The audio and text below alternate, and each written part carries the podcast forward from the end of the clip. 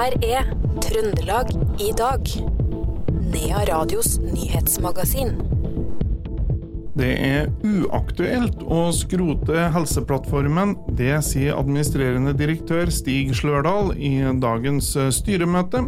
Og fremtida for Melhustorget er nå avgjort. Det her og mye mer får du høre i Trøndelag i dag. I dag, torsdag 26. oktober.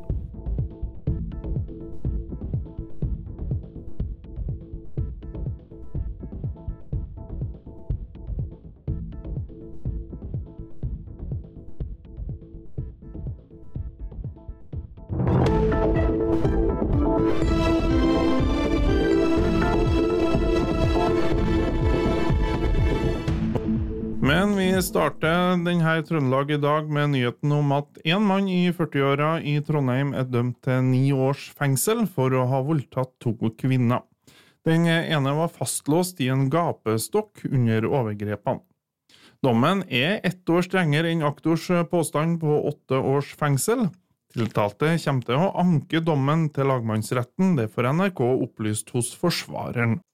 Under etterforskninga fant politiet flere skjulte små kamera på sexrommet hjemme hos mannen. Noen var fastmonterte, andre kunne flyttes. Et av kameraene var på undersida av gapestokken, et annet var på en lyskaster ved siden av. Opptakene lagra tiltalte på en server, og om lag 1000 timer med film ble funnet der. Under rettssaken fikk tingretten se fire av videoene med fornærma og tiltalte, det som vistes der, var delvis også skildra i tiltalen. I tillegg til ni års fengsel sier også dommen at tiltalte må betale 300 000 kroner i oppreisning til den tidligere samboeren og 240 000 kroner til den andre fornærma kvinna. Styret i Helse Midt var i dag samla i Stjørdal. En av sakene som styret følger tett, er den omstridte journalsystemet Helseplattformen.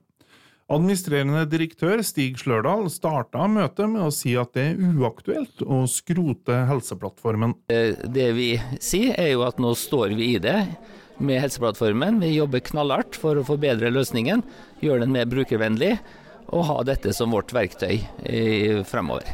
Men vil ikke dette helle bensin på allerede tente fakler blant brukerne? Nei, jeg tror at det er kanskje også avklarende at vi, vi, står der vi står, og at vi må jobbe. Og Statsråden var jo også veldig tydelig på at det å skrote Helseplattformen er ingen aktuell problemstilling. De ansattes representant i styret, Lindy Jaros von Schweder, ba i møtet om at det ble presisert i styrets vedtak at det må jobbes med brukervennligheten i systemet. Hun mener at journalsystemet utfordrer både pasientsikkerheten og arbeidshverdagen til de ansatte. Det er veldig stor frustrasjon over arbeidshverdagen sin, for de opplever å ha fått et verktøy som ikke fungerer og ikke har levert etter det som man skulle forvente. Og Det skaper nå et økt engasjement. Ett år senere så virker det som at Helseplattformen fortsatt ikke har den kvaliteten man ønsker skulle hatt, og det er derfor det er så viktig å jobbe med brukervennligheten framover.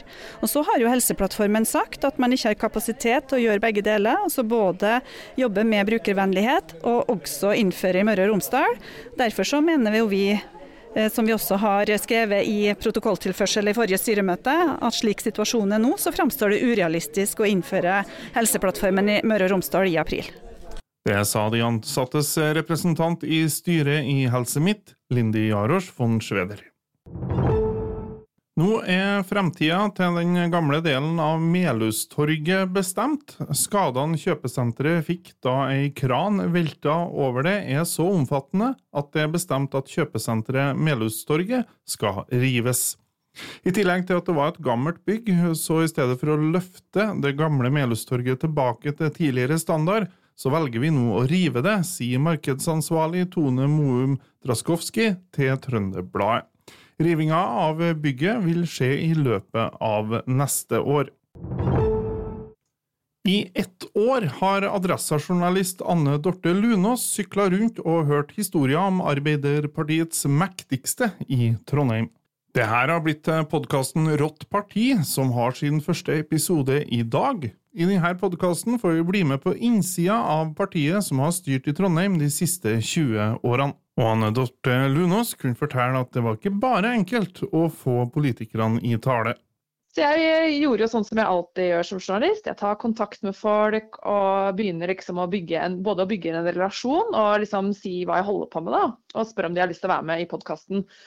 Og det som jeg opplevde denne gangen, som jeg ikke har opplevd tidligere i prosjektet jeg har jobba med, var at eh, alle var veldig nysgjerrig. Alle hadde veldig lyst til å snakke med meg og fortelle om sine erfaringer med Trondheim Arbeiderparti og hvordan det egentlig hang sammen. Men med en gang jeg skrudde på opptakeren, så ble det stille. Men hvorfor det, tror du?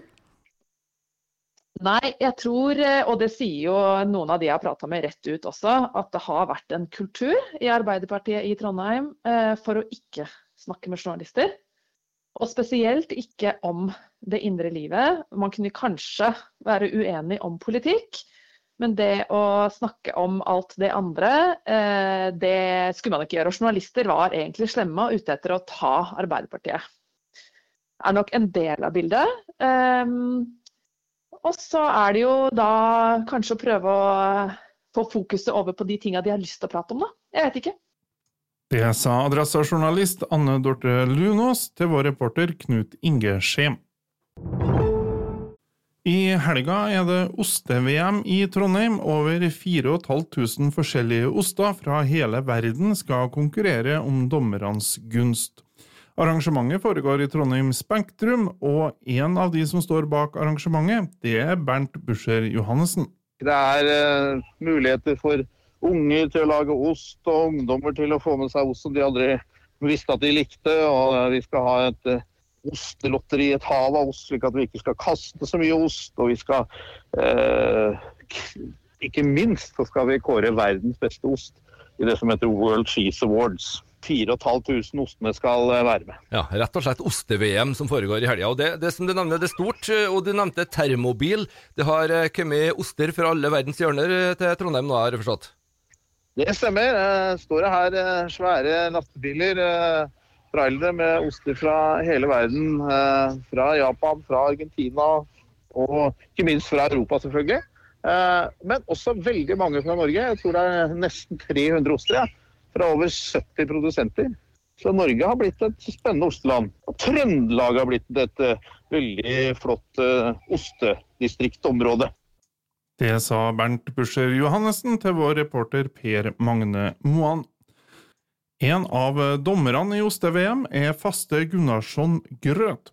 Han innrømmer at han er svært glad i ost, og gleder seg til denne helga. Jeg har rysta en del og gjør en del prøveprosjekt og sånne ting, så jeg kan jo prosessen og vet jo litt om det.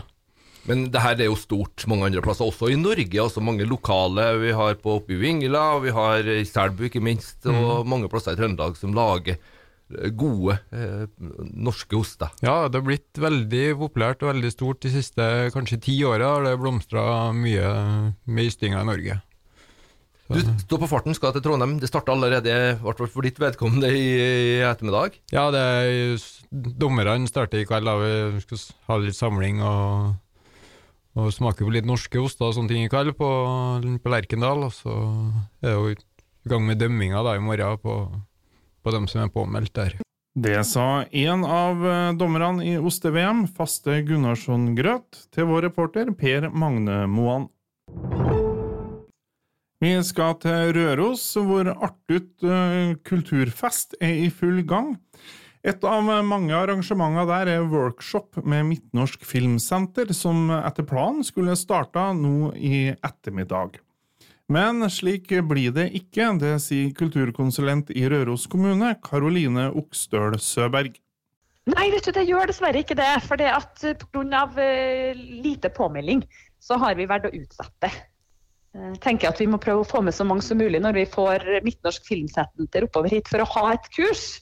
Så, så, da prøver vi på nytt igjen senere. Ja, og det her, eh, altså, det var jo et kurs som var både gratis, og det inneholdt både mat og drikke og eh, var et mm. fint opplegg. Fortell, hva var egentlig planene?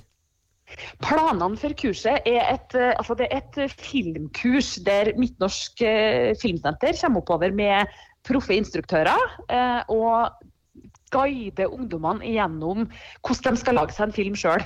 Så da får de være med helt fra, eller de blir med fra idéstart og så helt til et ferdig filmprodukt. Da er tanken at de skal bruke mobiltelefonene sine, og så lærer de seg å redigere og, og lage et produkt sjøl. Så opplegget tror jeg er helt tipp topp. Det sa kulturkonsulent i Røros kommune, Karoline Oksdøl Søberg, til vår reporter Per Magne Moan. Det her var det vi rakk i Trøndelag i dag, denne torsdag 26. oktober. Du kan høre oss når du vil, der hvor du laster ned din podkast. Navnet mitt er Roar Vold Nordhaug.